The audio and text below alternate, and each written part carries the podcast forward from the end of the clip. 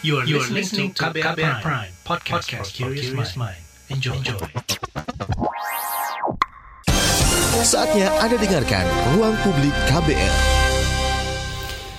Selamat pagi, kita berjumpa kembali dalam ruang publik KBR dan pagi hari ini kita akan mengangkat tema yaitu mengubah quarter life crisis menjadi happiness. Saudara, fase dewasa dimulai saat kita merasakan berbagai persoalan dalam kehidupan. Persoalan tersebut bisa dibilang dapat berupa percintaan, kemudian karir, atau bahkan kehidupan sosial. Nah, hal tersebut biasanya menimbulkan kebimbangan, kemudian e, kegalauan, sampai ketakutan. Dari situlah kemudian mulai terdengar istilah yang mungkin uh, juga Anda suka dengar gitu ya, quarter life crisis atau krisis seperempat abad. Lalu bagaimana cara anak muda agar tetap survive di fase quarter life crisis ini dan bagaimana juga cara mengubah menjadi quarter life happiness? Untuk membahasnya kami akan berbincang bersama dengan psikolog sekaligus founder Enlight Mind Alfiani Angelica dan juga pekerja swasta Valda Kustarini. Selamat pagi. Pagi. Nah, uh, Mbak Alfi dan juga Valda, kalau kita ngomongin soal fenomena quarter life crisis ini sendiri gitu ya, hampir uh, dikatakan dialami oleh orang-orang yang usianya tuh muda ke dewasa atau atau sekitar 18 sampai 30 tahun. Nah, dari ilmu psikologi sendiri nih Mbak Alfi, apa sih yang sebenarnya arti dari fenomena quarter life crisis ini sendiri? Bisa dijelaskan Mbak Alfi silakan. Okay. Oke, okay. sebenarnya istilah quarter life crisis itu masuk di term uh, psikologi populer ya, karena memang pop, uh, ditemukan tahun 57 oleh Elliot uh, Jacks pada saat dia membawakan papernya di uh, British Psychoanalysis Society gitu. Pada waktu itu dia present, dia bilang banyak klien yang memang dihadapi pada waktu praktek klinisnya hmm. itu uh, mid uh, jadi usia mid gitu ya mungkin uh, antara mid 20 sampai 30 gitu yang mengalami depresi yang berlangsung beberapa tahun gitu.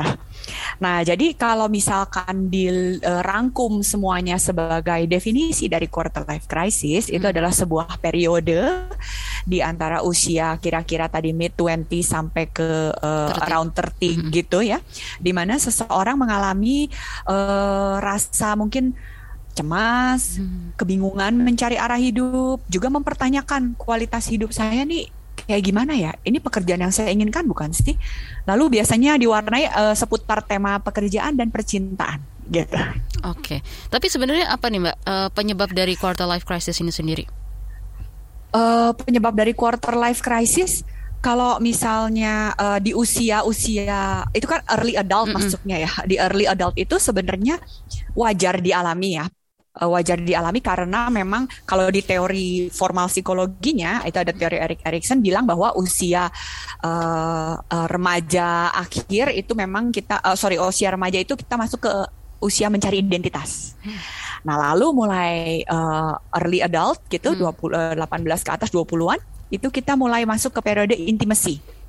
Nah, jadi karena kita baru memasuki periode mencari identitas dan intimasi itulah yang membuat namanya orang mencari dan baru masuk ke periode itu, hmm. itu uh, menjadi satu isu besar di dalam hidup seseorang gitu. Gitu sih. Oke, okay, tadi Mbak sempat sebut uh, pekerjaan dan percintaan juga ya lebih tepatnya seperti ya, itu. Uh, kita pengen tahu salah satu uh, dari narasumber kita di pagi hari ini uh, pendengar ada Valda. Valda ini adalah seorang yang masih muda, usianya 28 tahun dan saat ini pasti gitu ya sudah mengalami sejumlah gejolak seperti percintaan, kemudian karir dan juga kehidupan sosial yang lebih luas. Nah, Valda, pernah nggak sih masuk ke dalam uh, quarter life crisis ini sendiri? Bisa diceritain sama kita? Oke, kalau misalnya masuk atau merasakan quarter life crisis uh, pernah ya, soalnya udah uh, mau 30 terus juga ada peralihan antara masa remaja ke dewasa muda kayak gitu itu uh, pernah sih mungkin sekitaran beberapa tahun yang lalu kayak baru pertama kali masuk kerja mungkin 2019-an sih. Itu usianya berapa pas 2019 kalau boleh tahu? Hmm, 2019 itu sekitar 26 tahun. 26 tahun.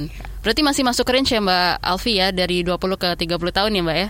Masuk, Oke. masih masuk. Oke. Memenuhi syarat. Memenuhi syarat ya, oke baik. Nah, eh, Valda sebenarnya gejolak apa nih yang paling besar dirasain pada saat eh, kamu memasuki fase dewasa ini sendiri? Dan mungkin kekhawatiran-kekhawatiran apa yang muncul saat itu?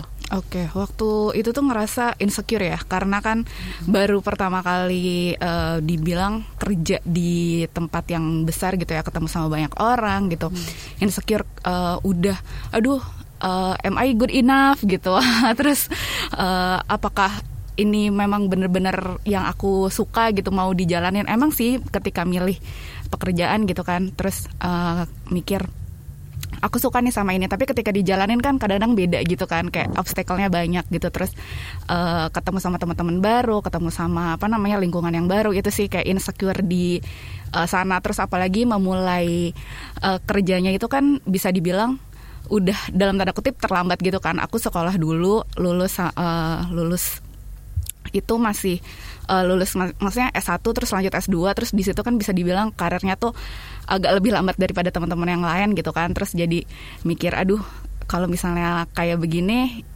uh, terlambat nggak ya? Gitu sih lebih ke insecure sama pekerjaan paling banyak.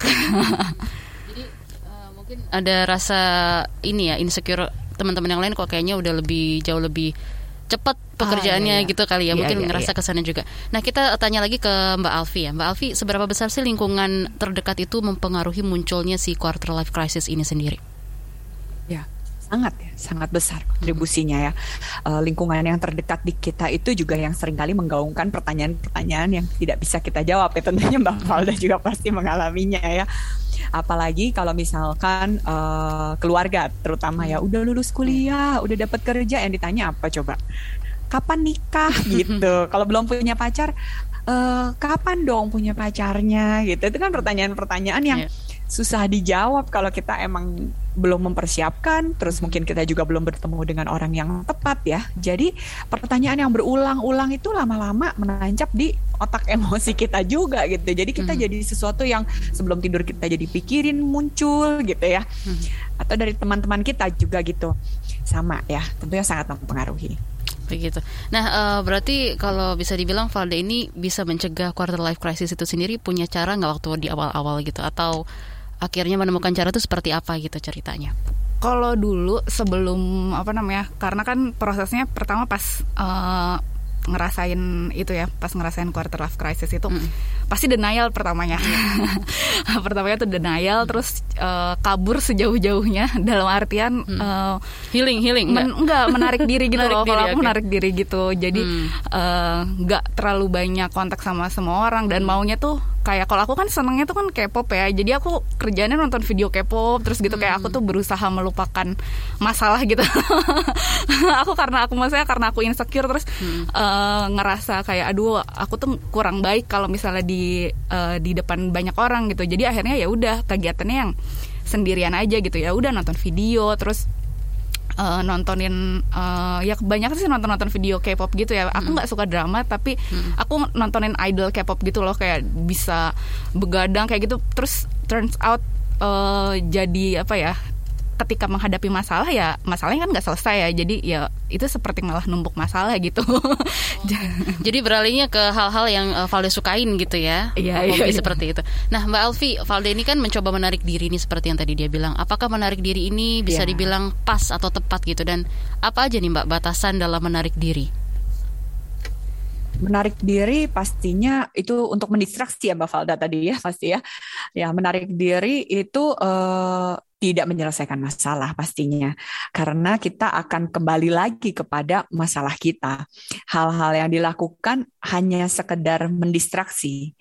Tapi eh, tadi balik lagi ya kegalauan kita plus lagi besoknya ditanya lagi yang berulang-ulang ada di dalam di dalam diri kita terus Oke. gitu ya. Jadi menarik diri is not a solution sebenarnya gitu.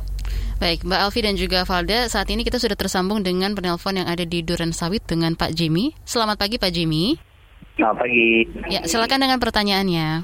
Ya mau na- nanya aja eh, seberapa bahaya sih life crisis ini untuk untuk jangka panjangnya gitu. Eh, mungkin bantu dulu kayak Seberapa bahaya quarter life crisis ini untuk jangka panjang? Aha, kemudian? eh, ap- terus hal yang kita hal yang kita lakukan untuk keluar dari sini Hmm. itu seperti apa gitu langkahnya gitu awalnya dari apa gitu Baik, ada lagi kah Pak Jimmy? udah itu aja Baik, terima kasih Pak Jimmy atas pertanyaannya. Ya, silakan eh, mungkin bisa langsung ditanggapi oleh Mbak Alfi, Mbak. Gimana nih? Ya, oke. Jadi seberapa bahayanya tentunya eh, tergantung dari kondisi kita juga ya dan bagaimana kita menyikapinya gitu. Kalau misalkan seberapa bahaya ada yang sudah sampai posisi panic attack gitu bisa jadi begitu ya. Panic attack itu artinya serangan panik yang bisa terjadi kapan saja di mana saja tanpa bisa kita rencanakan. Bahkan bisa terjadi pada saat kita mungkin lagi mengemudi. Nah, itu bahaya. Kalau mau ditanya bahaya itu bahaya. Lalu eh, yang bisa menjadi bahaya juga kalau kita menyadari ada sesuatu yang mengganggu rasa kita sampai mempengaruhi aktivitas normal kita. Jadi bisanya biasanya kita bisa bekerja dengan eh, semangat. Oh kali ini kayak males banget ke kantor ya, males banget mungkin merawat diri. Nah kalau udah mulai begitu, eh, segera temui profesional gitu. Temui profesional atau coba berbagi dengan teman dan lebih dan nanti mungkin uh, bisa menemui profesional. Jadi uh, sesuatu ya rasa yang seperti itu lebih baik diolah dikonsultasikan sehingga tidak berujung kepada penumpukan emosi yang menyebabkan uh, masalah pada kesehatan mental kita gitu. Nah, kalau cara mengatasinya ini nanti ada di segmen berikutnya mau sekarang dijawab atau gimana nih Mbak Naomi? Boleh nanti eh, kita lanjutin lagi. Nanti Tapi aja. tadi tadi eh, Mbak Alfi sempat sebut juga ya ada rasa malas dan tidak semangat gitu, Mbak. Nah, kita boleh Yes. menoleransi kondisi tidak semangat itu nggak, Mbak? Atau gimana? Nah, kita perhatiin juga dulu ya. Kadang-kadang kan normal juga di dalam hidup kita. Adalah hari-hari di mana kayak Monday feeling gitu ya. Di mana kita, aduh Senin, males deh. Coba masih Minggu gitu kan. Ya, itu eh, kayaknya semua orang merasakannya. Dan eh, kalau besoknya Selasa kita udah oke, Rabu oke sih kayaknya nggak apa-apa. Tapi kalau rasa males itu berkepanjangan, terus sudah gitu juga mengubah perilaku sosial kita juga jadinya lebih menarik diri, menyendiri. Nah, pada saat itu mungkin bisa mulai mengkonsultasikan diri kita ke psikolog gitu. Karena ada yang berubah di dalam keseharian kita gitu. Jadi eh, poinnya di situ ya kalau kita merasa merubah eh, apa, berkepanjangan. berkepanjangan itu justru butuh Berkepanjangan Hmm. ya Butuh dan, bantuan dan dari psikolog mengubah juga. aktivitas. Betul, betul. Ya, jadi perlu eh, temui dan Hmm. jangan takut ke psikolog karena banyak yang bilang, "Aduh, saya kan nggak saya kan nggak gila gitu ya." Enggak, enggak yang datang nggak nggak selalu harus mengalami skizofrenia, istilah kita Hmm. skizofrenia ya. Gitu untuk eh, jadi sekarang ini bahkan kalau dulu waktu saya praktek di UI, Ya. banyak banget juga mahasiswa-mahasiswi yang mengetuk pintu mau ngobrol, Mbak, gitu. Ih, itu Hmm. aja boleh, gitu. Gitu aja tuh sederhana kayak curhat tuh udah oke banget gitu. Udah apa-apa. udah lumayan menolong lah ya apa yang lagi kita rasain Iya. saat itu gitu. Nah tapi karena Iya, karena memang sih. Mbak Alfi stigma ke psikolog itu masih buruk gitu ya kayaknya. Betul Trennya ya. gimana nih Mbak sekarang ya? Kalau trennya sekarang gimana nih Mbak? Sekarang kayaknya udah lebih menurun juga Oke. karena tadi ya eh, kan dunia kita udah makin tanpa batas juga ya di Mhm. mana mungkin budaya eh, kesehatan mental udah lebih diperhatikan lalu juga udah mulai kita mengenali lewat film-film juga ya di mana oh orang ke psikolog lalu orang Betul. diskusi gitu-gitu ya jadi oh itu tuh cuma gitu doang. Hmm. Oke deh, terus denger temen kita yang ke psikolog gitu. Dan juga kalau kayak di kampus juga suka ada fasilitas ini untuk kayak ayo sesama mahasiswa psikologi gratis boleh gitu atau ada tarif khusus untuk mahasiswa. Nah, hal-hal kayak gitu yang makin mempermudah untuk eh, orang-orang datang ke psikolog gitu. Saat ini sih udah lebih udah lebih demikian ya. Heeh. Baik, Mbak Alfi dan juga Valden nanti kita akan lanjutkan kembali uh, obrolan kita dan juga perbincangan kita di pagi hari ini. Ruang Publik KBR dengan tema mengubah quarter life crisis menjadi happiness akan kembali. Tetaplah bersama kami. Masih Anda dengarkan Ruang Publik KBR. Commercial break. Commercial break. Ada kesedihan, air mata, dan trauma. Namun ada juga gelak tawa, bahagia, dan rasa bangga. Cerita kehidupan manusia adalah perjuangan dan pembelajaran. Pertanyaan di balik itu secara psikologi, apakah dia punya niat membunuh? Kan belum tentu. Saya kaget ketika ada konflik sesama orang Madura sendiri mengatasnamakan aliran keagamaan. Sejak itu, warga Syiah harus mengungsi sampai sekarang. Untuk kehidupan saya pada waktu itu aja nggak menentu kan. Boro-boro mikirin untuk perpustakaan gitu. Saga, cerita tentang nama, peristiwa, dan fakta. Liputan khas KBR ini telah memenangkan berbagai penghargaan nasional dan internasional. Anda sedang mendengarkan program Saga Produksi KBR. Simak di program Buletin Pagi pukul 6 waktu Indonesia Barat, Buletin Sore pukul 16 waktu Indonesia Barat, dan KBR Pagi pukul 7 waktu Indonesia Barat. Dengarkan Saga di radio jaringan KBR di Nusantara atau streaming di kbr.id. Saga juga hadir dalam bentuk podcast di kbrprime.id. KBR Inspiratif Terpercaya. Masih Anda dengarkan Ruang Publik KBR. Ya, Anda masih menyimak ruang publik KBR dengan tema mengubah quarter life crisis menjadi happiness. Nah, uh, Valda, tadi kan Mbak Alfi menjelaskan gitu ya mengenai pentingnya ke psikolog gitu. Nah, Valda sendiri pernah nggak ke psikolog dan apa setelah itu yang terjadi untuk kehidupan Valda seterusnya? aku pernah ke psikolog ya. Mm. Uh, mungkin kalau boleh cerita uh, ini tuh sekitar 2020 pertama okay. eh 2000 ya 2020 pertama ke psikolog itu. Mm. Uh, karena nggak tahu kalau misalnya dulu tuh di fasilitas kesehatan kayak puskesmas itu ada uh, layanan kesehatan jiwa juga. Jadi aku langsung ke swasta gitu loh. Mm.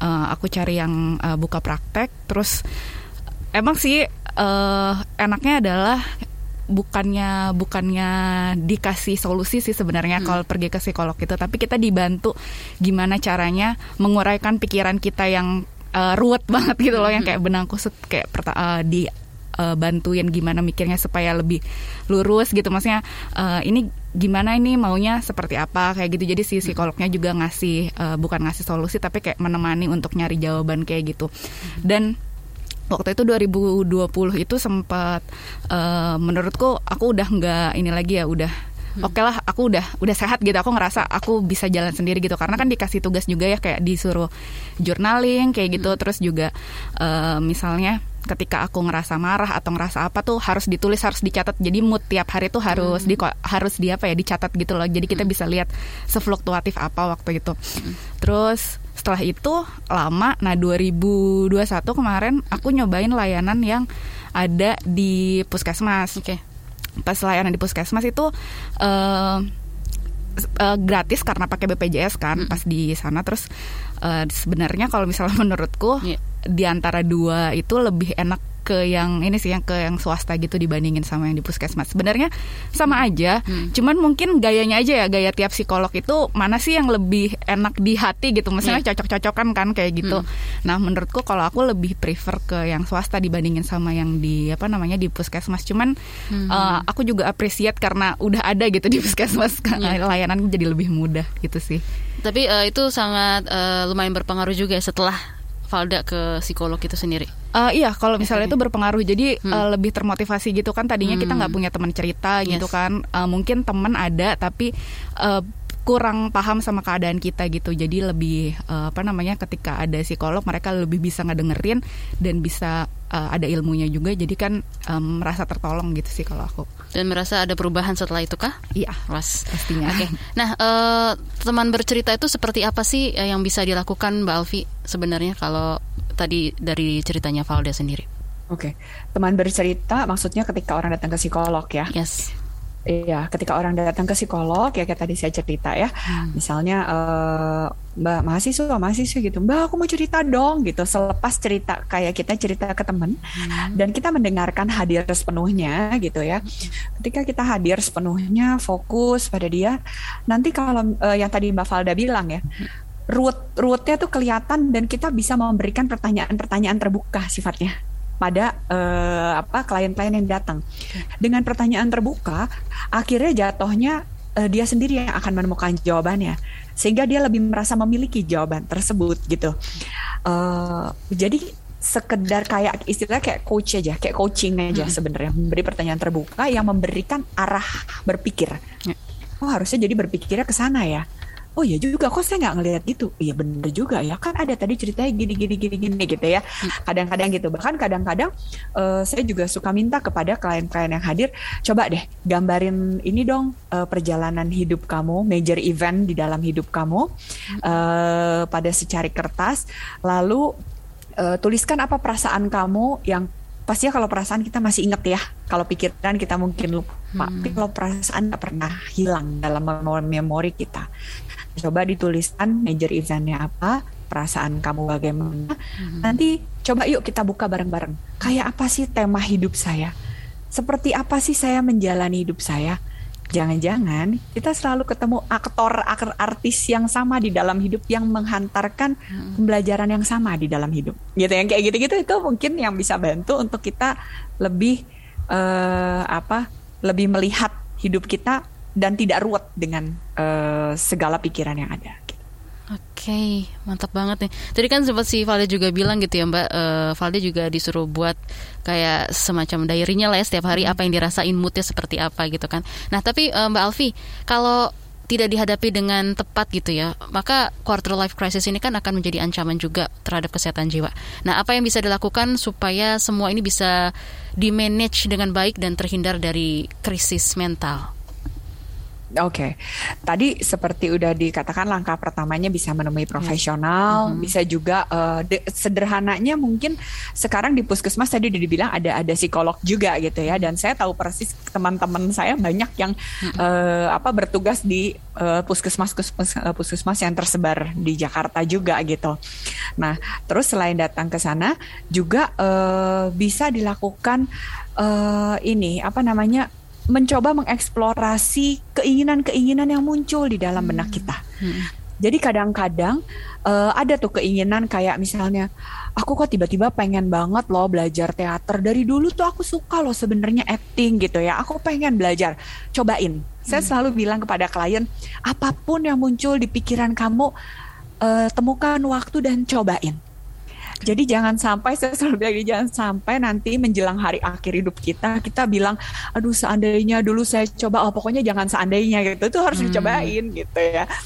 Nah, terus dari nyobain kita kan jadi menemukan rasa oh jangan-jangan ini saya suka juga ya eh dipaduin sama kerjaan saya yang sekarang kayak keren tuh kayaknya hmm. gue banget gitu ya. Nah, bisa jadi kayak gitu ya. Explore. Nah, lalu berikutnya juga ketika bertemu dengan rasa yang nggak enak, hmm. jangan pergi jadi justru emosi itu muncul di dalam diri uh, ketika kita berusaha untuk menekan-nekan uh, hanya akan tertekan sementara, tapi dia akan terus ada. Nah, oleh sebab itu ada istilah yang sering kali saya gunakan dalam praktek di Enlight Mind, sit with emotion, duduk bersama emosi. Oke, rasanya tuh hari ini kayak tertekan di dada itu rasanya kayak ada beban, misalnya seperti itu. Oke, duduk bersama emosi ya mana sih rasanya? Jadi kita kayak boleh loh ngomong ke diri sendiri bersuara tuh boleh. Karena suara kita akan masuk ke otak emosi kita. Ya ada bagian di sana namanya talamus itu akan menerima input suara dia nggak peduli suara siapa pun. Hmm. jadi kita jadi teman buat diri sendiri. Rasanya nggak enak ya di dada areanya tuh gede dalam nusuk panas. Kita coba untuk mengenali mengamati terus Nah, dengan mengamati dalam prinsip neuroscience, ke mana fokus kita pergi, ke sana energi akan pergi. Dia akan membereskan sel di tempat tersebut. Ketika sel itu beres, ingat ada hubungan yang sangat istimewa antara otak emosi dengan tubuh. Maka emosi akan meredah. Jadi emosi itu diajak temenan malah bukan best friend gitu lah istilahnya. Hmm. Tapi selama ini kita usir-usir, selama ini nggak mau nggak mau nggak mau. Padahal mah kita ajak temenan juga duduknya nggak lama-lama banget gitu biasanya. Hmm. Maka tadi mbak bilang sit with emotion itu penting juga ya. Iya, sit with emotion gitu. Yeah. Ayo duduk sama kayak kita menyambut teman kita. Yeah. Aduh, gue sedih. Ya sama di sini mana mana mana. Coba gue dengerin cerita lo gitu kan biasa gitu. Eh, sama kayak gitu. Ini lumayan bisa tips juga nih buat uh, yang lagi nonton dan juga lagi mendengarkan ya kan ya Mbak. Saat ini bisa dilakukan iya, mungkin bisa, ya. bisa. Uh, uh. Oke, okay. uh, quarter life crisis nih Mbak. Uh, dapat bersinggung dengan dengan apa pun yang termasuk dengan pilihan karir gitu contohnya. Nyatanya banyak banget kan anak muda yang justru kerja nggak sesuai dengan sekolahnya dia gitu sekolahnya apa ya. tapi kerjaannya apa. Nah ada dua hal mbak uh, yang memang udah menemukan passionnya juga, ada juga yang terpaksa karena bisa dibilang tuntutan sosial. Gimana nih mbak cara yang pas supaya anak muda ini bisa tepat dalam menentukan karirnya mereka masing-masing? Oke, ini masalah umum yang khususnya banyak terjadi di Indonesia ya.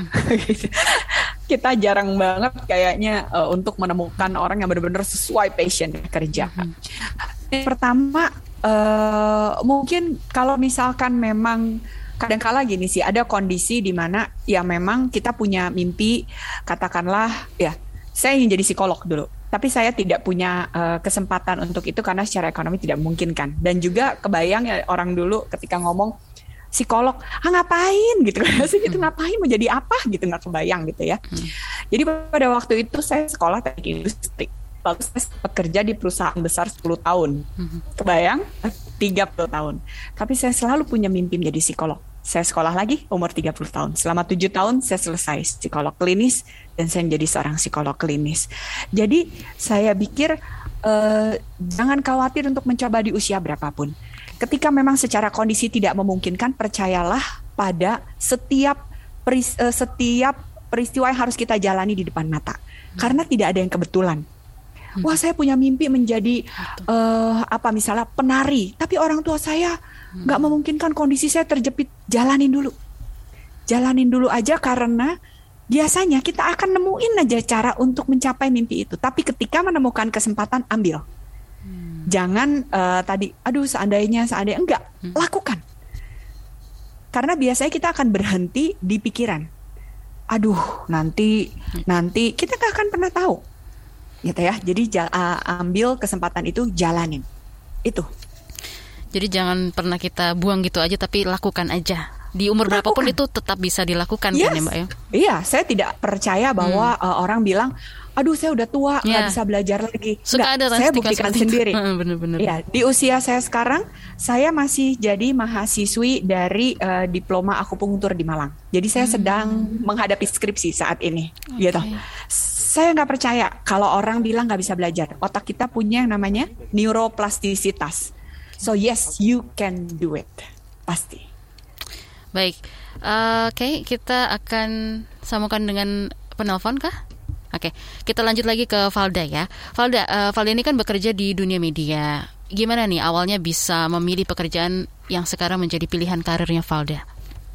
Uh, ini seperti yang tadi kayak Mbak Alfi bilang hmm. uh, apa yang diambil di kuliahan sama pekerjaannya beda. Jadi aku uh, S1-nya itu sastra. Hmm. Jadi sebenarnya nggak terlalu jauh, jauh cuman ya. kayak nggak ada basicnya aja untuk hmm. masuk apa sih media gitu. Misalnya uh, nulis itu seperti apa kayak gitu. Cuman ya udahlah modalnya adalah modal senang baca, senang nulis, udah gitu aja nulis diary gitu kan. Hmm. ya udahlah modalnya itu dulu aja. Uh, terus kenapa ke media? Karena hmm. sebenarnya dari dulu dari dulu tuh kepengen aduh kepengen nih kerja di TV dulu kayak gitu kan dulu pas sekolah lah.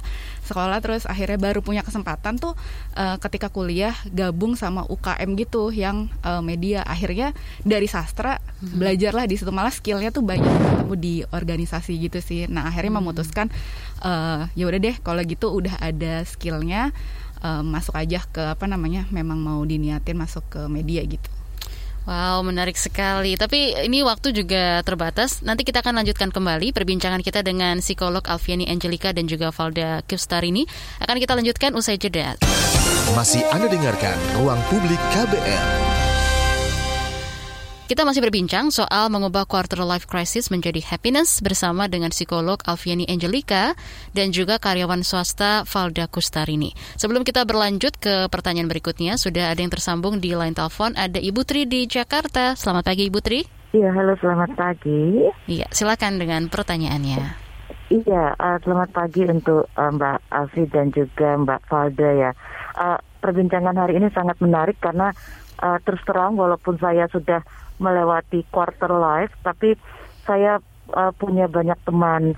Nah, ada beberapa yang uh, menurut saya itu uh, ingin saya tanyakan ke Mbak Alfi. Misalnya, apakah ketika uh, di masa uh, quarter life ini, apakah memang identik dengan yang namanya uh, apa namanya inkonsisten dan juga uh, cenderung dalam tanda kutip agak drama dalam menghadapi berbagai persoalan, Mbak uh, soalnya saya melihat bahwa ketika saya melewati fase quarter life beberapa puluh tahun silam itu sepertinya di zaman saya tidak seheboh itu begitu. Apakah memang kondisinya saat uh, beberapa tahun silam dan sekarang ini kondisi krisis yang dihadapi anak-anak muda sekarang ini memang berbeda dibandingkan dulu.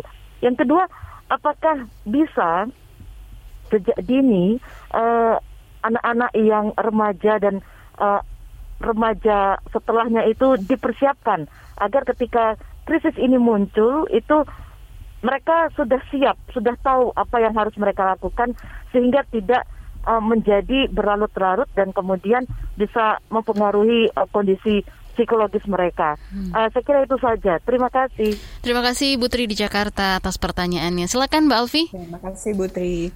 Ya, untuk menanggapi pertanyaan yang nomor satu, uh, memang kalau dikatakan bahwa drama ya, hmm. drama ya belum tentu semua orang akan menghadirkannya dalam bentuk seperti itu ya, tergantung lagi kepada uh, apa kepribadian kita, lalu latar belakang kita dibesarkan dan banyaklah faktor yang mempengaruhi itu. Tapi kenapa sekarang kayaknya uh, terdeng lebih terdengar dibandingkan dengan zamannya Putri dulu gitu ya. Uh, memang kalau di, uh, dilihat lebih jauh lagi, rasanya sekarang secara uh, beban pendidikan memang lebih tinggi ya. Jadi ketika kita di usia 18, kita kadang-kadang masih belum, mungkin kita memilih jurusan, tapi fokusnya tuh belum berpikir banget saya akan jadi apa, tapi lebih gimana masuk universitas, gimana saya lulus jadi bebannya itu udah berat banget di pelajarannya sendiri gitu. Hmm. Yes, masuk universitas uh, ternama. Yes, gitu aja dulu gitu ya maksudnya. Nah, nanti begitu udah selesai, nah baru deh pertanyaan itu delay. Hmm. Saya mau jadi apa ya sebenarnya dalam hidup saya? Atau setelah masuk ke dalam pekerjaan nih, saya sebenarnya uh, ingin jadi uh, kerjanya di kayak gimana ya gitu oh ternyata bidang yang saya ambil ini kerjanya banyaknya di lepas pantai misalnya kayak gitu hmm. aduh saya sebenarnya seneng apa enggak ya gitu dan juga kenapa kok kok telat mikirnya misalnya kayak gitu ya itu juga dipengaruhi oleh uh, perkembangan otak manusia hmm. bahwa ketika kita di usia 25 tahun kira-kira itu otak logika kita yang berpikir untuk jangka panjang itu baru bisa dikatakan sempurna. Nah, jadi ketika belum sampai sempurna mungkin kita bisa berpikir jangka panjang apabila kita dibantu diarahkan. Nah, itu sebabnya tadi mungkin remaja boleh banget loh datang ke psikolog karena di situ akan diberikan satu stimulus-stimulus untuk berpikir jangka panjang. Hmm. Oh iya ya, oh iya. Bukan nggak mampu sendiri, eh, bukan nggak mampu berpikir, tapi kalau sendiri rasanya belum muncul itu. Nah, oh, lalu yang kedua bagaimana mempersiapkannya? Hmm. Oke. Okay uh, memberikan satu edukasi bahwa di dalam hidup kita nggak akan lepas dari up and down kehidupan. Itulah hidup dengan segala emosi yang ada. Emosi bahagia kita sambut, emosi sedih kita sambut, takut kita sambut, diberikan ruang di dalam keluarga. Hmm. Bahwa ketika seorang anak laki-laki menangis itu tidak apa-apa. Yes. Kita akan tanya, kenapa kamu menangis? Saya bingung, saya takut. Oke, sesuai tema kan? Dia bingung dia takut dia nangis. Bukan hahaha saya kata gitu itu sesuai tema. Nah ruang air mata keluar kok lah berarti kan pencipta kita boleh kan? Boleh kan nangis. Jadi berikan ruang dan ajak dia uh, mengolah uh, dengan berpikir setelah dia reda. Jadi tunggu emosi reda dulu. Hmm. kalau emosinya belum reda otak logika kita masih kebajak sama otak emosi. Tunggu reda dulu. Setelah reda dulu kita ajak ngobrol apa sebenarnya yang bikin takut yuk tulis yuk di kertas. Oh jadi ini. Biar biar kita lihat. Biar kita bisa melihat jelas. Kenapa perlu melihat? Retina mata kita juga area terluar otak emosi. Gitu. Jadi uh, itu sangat membantu kita untuk melihat lebih jelas. Ya juga ya sebenarnya masalahnya nggak segede itu. Hmm. masalahnya cuma gini butuh keputusan gini. Jadi apa yang mempersulit hmm. pikiran saya? Hmm. ke mana-mana udah takut iya. duluan gitu ya misalnya. Ya seperti itu Nah, uh, kita ke Valda lagi ya. Di lingkungan kita kan sangat sering sekali kita temukan tuntutan sosial yang dirasa nggak pas gitu, seperti anak muda yang tadi di awal Mbak sempat bilang gitu kan ada yang nanya kapan nikahnya padahal baru selesai kuliah gitu kan. nah, uh, usia 30 udah harus jadi manajer misalnya di perusahaan dan lain sebagainya. Gimana nih Valda menyikapi tuntutan-tuntutan seperti ini khususnya yang justru muncul dari keluarga atau malah lingkungan terdekat? Gimana Val? Hmm, kalau misalnya uh, aku sendiri sih kayak itu ya uh, pertanyaan yang hampir selalu setiap tahun dikeluarkan adalah kapan nikah. Itu hampir uh, setiap tahun gitu apalagi uh, kayak uh, keluarga uh, apa namanya yang keluarga dekat gitu ya hmm. atau misalnya ibu sendiri nanya sama aku gitu. Sebenarnya awalnya mungkin jadi kepikiran gitu. Hmm. dulu pas pertama uh, setelah lulus kuliah tuh kepikiran eh iya ya kapan ya nikah ya? gitu. Hmm. tapi uh, akhirnya menemukan jawaban bahwa aku baca satu buku Parasit Lajang bukunya Ayu Utami akhirnya aku menemukan jawaban oh nggak apa-apa kalau misalnya perempuan mau sekolah tinggi mau mendelay nikahnya dulu gitu ya udah nggak apa-apa jadi akhirnya ngasih tahu sih kalau misalnya urusan nikah itu ke orang tua oh ya memang belum terpikirkan ke sana gitu hmm. memang uh, masih asik pengen jalan-jalan sendiri pengen hmm. uh, apa namanya karir dulu kayak gitu ya lama-lama orang tua juga ngelihat oh iya mungkin anaknya memang seperti ini gitu hmm. jadi udah ada pengertian sih cuman kalau misalnya uh, soal pekerjaan kadang-kadang ya adalah kadang hmm. udah umur segini insecure insecure juga ya lihat hmm. teman-teman oh liburan ke sini liburan ke sana tapi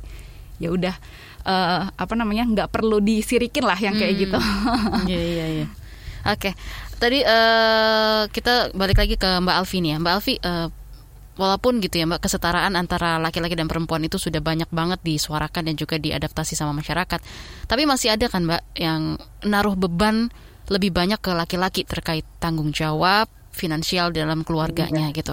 Nah, seperti apa nih Mbak dalam pengamatan Mbak Alfi beban lebih terhadap laki-laki ini? Iya, memang uh, kecenderungan beban lebih kepada laki-laki ini udah masuk ke dalam kultur budaya yang tanpa disadari jadi diwariskan dari generasi ke generasi gitu ya. Hmm. Walaupun katakanlah kita sebagai orang tua saat ini hmm. nggak hmm. pernah ngomong secara langsung demikian, hmm. tapi uh, interaksi bawah sadar yang terjadi antara ayah dan ibu tuh mencerminkan bahwa seakan beban itu ada lebih pada laki-laki gitu. Sehingga kita mengadopsi pemahaman itu jauh di bawah sadar kita sehingga ketika menjadi dewasa kita hmm. merasa bahwa saya harus siap dulu nih. Saya harus punya A, punya B sebelum saya nikah. Hmm. Kan kalau enggak, nah muncul yang di database kalau enggak kayak kayak ayah ibu tuh ributnya gini-gini gitu ya atau masalah kayak gini-gini walaupun nggak pernah diomongin secara langsung. Jadi itu udah kayak cultural transmission aja gitu. Gitu sih ya oke okay. tapi uh, terkait dengan stigma gitu ya atas peran-peran perempuan. Nah ini apakah Valda juga pernah nih mengalami hal yang sama? Tuntutan itu datang dari mana? Terus juga bentuknya seperti apa? Dan apa yang Valda lakukan pas menghadapi itu tuntutan peran yang uh, seperti itu eh, nggak uh, pernah ya. Maksudnya kalau hmm. uh, syukurnya adalah orang tua nggak memaksakan kalau oh kalau perempuan itu harus uh, jadi ibu rumah tangga aja. Misalnya stigmanya seperti itu. Karena nggak karena uh, ibuku juga bekerja jadi nggak ada sih uh, kalau di keluarga. Paling uh, ya itu masih masihnya adalah kalau misalnya perempuan umur dua, di atas 25 harusnya sudah menikah kayak gitu hmm. aja sih palingan. Lebih ke status ya. baik baik. Nah uh, ini ini makin seru banget gitu ya. Tapi aku juga pengen tahu nih dari Mbak Alfi. Mbak Alfi uh, selama Mbak Alfi menangani permasalahan psikologi gitu ya Mbak. Cukup banyakkah hmm. orang yang mengeluhkan soal permasalahan quarter life crisis ini dan mungkin kasus apa yang paling berat gitu atau yang paling parah yang pernah Mbak Alfi tangani? banyak tapi nggak datang dengan saya seperti quarter life crisis ada yang ngomong gitu mm -hmm. tapi term quarter life crisis itu dibawakan oleh beberapa klien aja gitu. Tapi kalau dibedah isi di dalam quarter life crisis itu ada tentang kerja, intimasi sih banyak klien yang datang demikian gitu ya. Nah, uh, yang terparah mungkin yang menyebabkan sampai uh, depresi lalu menyakiti diri dan percobaan uh, suicide ya. Okay. Itu uh, yang saya pernah tangani gitu. Baik, kita akan kembali setelah pesan-pesan berikut ini. Tetaplah di Ruang Publik KBR. Masih Anda dengarkan Ruang Publik KBR. Commercial break. Commercial break. Transfer ke sini udah, bayar ini juga udah. Ke gue udah. Hih, Allah, pertumbuhan ekonomi tuh lagi melambat, persis kayak tabungan gue. Betul banget harus matang ngelola keuangan. Pengennya tuh investasi sesuatu gitu ya. Apa gitu yang cocok dan menguntungkan? Hmm, coba dengerin uang bicara deh. Gue belakangan lagi dengerin podcast itu di KBR Prime. Reksadana yang tadinya 500 juta udah turun dari 250 juta sekarang 10 ribu sama kita ngopi mahalan mana? Ketika itu ada keputusan yang kayak begitu investor harus tahu gitu oh ada keputusan ini berarti implikasinya apa? Orang mungkin perluas literasi kamu lewat podcast Uang Bicara Uang Bicara menavigasi kamu dengan menghadirkan bahasan-bahasan seru dan populer mulai dari investasi sampai kebijakan dipersembahkan oleh KBR Prime dan bisa didengarkan di KBR Prime, Spotify, dan platform mendengarkan podcast lainnya. KBR Prime, podcast for curious mind. Masih Anda dengarkan Ruang Publik KBR. Kita tiba di bagian akhir ruang publik KBR hari ini. Masih membahas soal mengubah quarter life crisis menjadi happiness bersama dengan psikolog Alfiani Angelica dan juga karyawan swasta Valda Kustarini. Sebelum kita uh, lanjut, kita juga mau membacakan beberapa komentar dan juga pertanyaan yang sudah masuk di live YouTube Berita KBR. Ada Cielo Akma, Bahaya nggak sih jika seseorang mengalami quarter life crisis dan seperti apa bahayanya? Tadi sudah dijawab ya uh, oleh Mbak Alfi yang paling membahayakan bahkan bisa menyakiti diri sendiri dan sampai uh, melakukan suicide itu sendiri atau bunuh diri. Kemudian ada lagi pertanyaan dari Mas Doniel. Apa kendala emosi berlebihan bisa dikendalikan agar life crisis ini nggak panjang kita derita? Lanjut lagi ada Fitri Anggreni.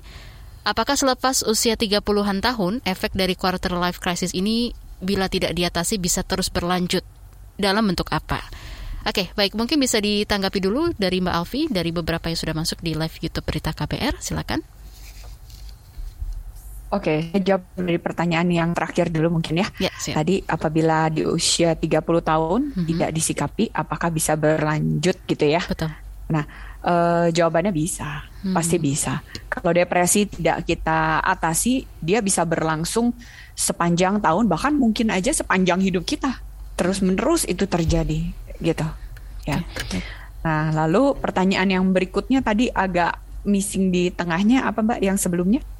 Sebentar, uh, apa kendala emosi berlebihan bisa dikendalikan supaya life crisis ini nggak panjang kita derita? Kendala emosi yes. berlebihan ya, oke, okay. uh, bisa kita bisa belajar banyak teknik untuk meregulasi emosi, mm-hmm. gitu. Nah, uh, tantangannya selalu dan selalu buat klien adalah mm-hmm. apakah kita mau melakukannya dengan konsisten, hmm. gitu. Karena kebanyakan yang jadi tantangan adalah, Mbak bisa cepet gak? Selalu gitu. Ya maunya yang instan gitu ya? Iya, maunya instan. Saya selalu bilang gini uh-uh. bikin mie instan aja mesti pakai air panas dulu loh. Bisa itu juga lima menitan ya mbak? Iya itu juga udah uh-uh. paling cepet gini di Indomaret deh apa dirobek ya mesti minta juga air panas kan mesti hmm. jalan gitu. Jadi nggak ada istilah instan. Saya udah pasti bilang nggak bisa. Hmm. kamu memang penyembuh diri kamu. Yes. tapi itu berarti kamu sendiri harus persisten menjalankan. Dan saya selalu mengingatkan kita nggak uh, ibarat jagoan kungfu nggak ada jagoan kungfu yang latihan pada saat musuh datang itu nggak ada. Hmm. Semua jagoan kungfu akan latihan pada saat dia sehat, dia segar, nggak ada apa-apa dia latihan, hmm. latihan self care. Ya tadi kan banyak ya, ya tekniknya sekarang mindfulness lah, ya. lalu juga uh, dengan gerak tai chi, cikung apa yoga segala macam banyak sekali kita bisa melakukan visualisasi, sentuh dan banyak sekali. Ya. Tapi maukah melakukan dengan persisten itu aja. Baik, Mbak Alfi, uh, ini sudah ada penelpon di Grogol ya, kita angkat dulu. Halo, dengan Ibu Ayu? Iya. Ya, selamat pagi Bu Ayu, silakan dengan pertanyaannya. Iya, selamat pagi. Ya, saya mau nanya nih, untuk usia di bawah 20 tahun tidak akan berpotensi ya sih uh, mengalami quarter life crisis ini? Terus juga uh, apa ya olahraga olahraga apa sih yang mungkin bisa meringankan atau meredakan masa-masa quarter life crisis ini. Makasih ya. Terima kasih Bu Ayu yang ada di Grogol. Silakan Mbak Alfi bisa ditanggapi. Oke, di bawah usia 20 tahun uh, bisa aja ya terjadi ya. Hmm. Kan ada banyak faktor juga uh, apa namanya ketika orang mungkin mulai lebih berpikir tentang hidupnya, ada aja yang uh, mulai berpikir keras saya tapi mau jadi apa nanti ya gitu.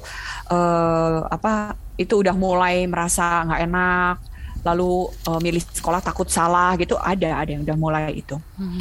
Nah uh, apa terus olahraga berikutnya apa? tadi hmm. olahraga apa ya yeah. yang bisa dilakukan? Hmm. Olahraga tuh uh, mulai dari jalan sadar aja bisa dilakukan jalan kaki tapi sadar hmm itu bisa dilakukan. Nah sering kali kita melakukan olahraga nyambi nyambi dengerin musik Oh bener tuh. Nah, it, iya itu yang sering kali melatih pikiran ke mana-mana ya jadinya. Hmm. Nah, jadi kalau lagi melakukan sesuatu, fokuslah pada sesuatu. Hmm. Jalanlah, jalanlah dengan merasakan oh udara pagi kena kulit saya, oh kaki ya. itu uh, menyentuh aspal yang gak rata yang kayak gitu. Lalu olahraga resistance training bisa dilakukan? Bisa. Okay. Push up, sit up, itu sebenarnya memberi bahasa pada mental kita bahwa ketika ada hambatan lampaui, ketika ada hambatan hadapi gitu kan, kan badan kan angkat, angkat. Nah itu secara tidak sadar memberikan atau melatih mental kita kalau menghadapi hambatan lakukan, coba gitu. Lalu yoga, yoga stretching otot-otot ya, karena yoga uh, otot-otot yang di stretch itu juga memberikan relaksasi pada emosi-emosi yang disimpan di dalam sel-sel otot kita. Qigong, tai chi, Gerakan yang lambat memberi isyarat pada emosi bahwa kita lagi dalam kondisi tenang. Jadi logika kita nggak dibajak oleh emosi. Hmm. Ya, kita bisa berpikir dengan jernih. Kuncinya satu lagi, kan nggak melakukan konsisten atau tidak melakukannya gitu ya Mbak ya? Iya, konsisten nggak melakukannya. Iya. Betul, betul. Kalau cuma sekali di awal semangat, sisanya enggak sama aja bohong. Iya, saya udah biasanya gitu. Biasanya yeah. yang sering terjadi adalah udah lima menit dan udah tadi dilakukan uh, pada saat saya panic attack. Hmm. Saya bilang jangan kalau panic attack guyur kepala pakai air dingin aja saya selalu bilang itu susah olahraga pas panic attack gak bisa. Baik, Mbak Alfi. Iya ya. Ini uh, karena waktu terbatas juga ya, tapi kita mau tanya dulu ke Valda nih. Ada banyak kan orang yang punya privilege gitu untuk bisa milih apa yang dia suka dan juga apa yang dia akan lakukan baik untuk karirnya, percintaan dan kehidupan sosial lain. Tapi sebagian lainnya harus susah payah juga nih untuk mendapatkan hal itu. Nah, apa yang ingin Valda sampaikan untuk teman-teman yang tidak punya privilege ini supaya bisa lebih happy dalam menjalani hidupnya? Uh, sebenarnya kalau gimana supaya uh, happy sebenarnya kebahagiaan itu nemuinnya dari dalam diri sendiri gitu loh. Hmm. Kayak apa sih yang kamu suka? Eh, hal-hal yang kecil yang kamu suka misalnya kamu suka bangun pagi terus udah gitu jalan-jalan ya udah di embrace dan dijadikan motivasi uh, buat oh ya ini uh, apa namanya aku semangat hidup karena uh, mau ngejalanin hal ini gitu atau misalnya uh, seneng melihara kucing gitu ya uh, yeah. ya udah mainan sama kucing kayak gitu mm -hmm. pokoknya ada uh, hargai sekecil apa pun kebahagiaan di hidup kamu sih. Kalau misalnya pilihannya nggak banyak. Hmm. karena kalau nggak kita yang nggak cari kebahagiaannya itu apa itu akan susah kalau menggantungkan ke lingkungan kita aja gitu. Jadi semua tuh dari diri sendiri sih semua muanya ya kita mulai. Kadang kan ada orang yang uh, merasa happy itu karena ketemu sama pasangannya atau hal-hal lain gitu bukan dari diri dia. Nah uh, terakhir nih Mbak Alfi dan juga uh, Valda. Mungkin uh, ketika kita menemukan persoalan nih di dalam jiwa, bagaimana nih Mbak kita harus mengubah agar lebih bahagia? Bukan persoalan di dalam jiwa. Sebenarnya uh, tadi udah sedikit kurang yes. lebih saya sampaikan. Hmm. Uh, hadapi itu yang pertama kali. Jangan lari dari itu. Kita temukan waktu untuk berefleksi, lalu menulis kalau perlu. Butir-butir perenungan kita. Apa yang lagi kita rasakan? Saya merasa marah, atau saya merasa uh, apa kesal dengan orang yang kayak gini-gini.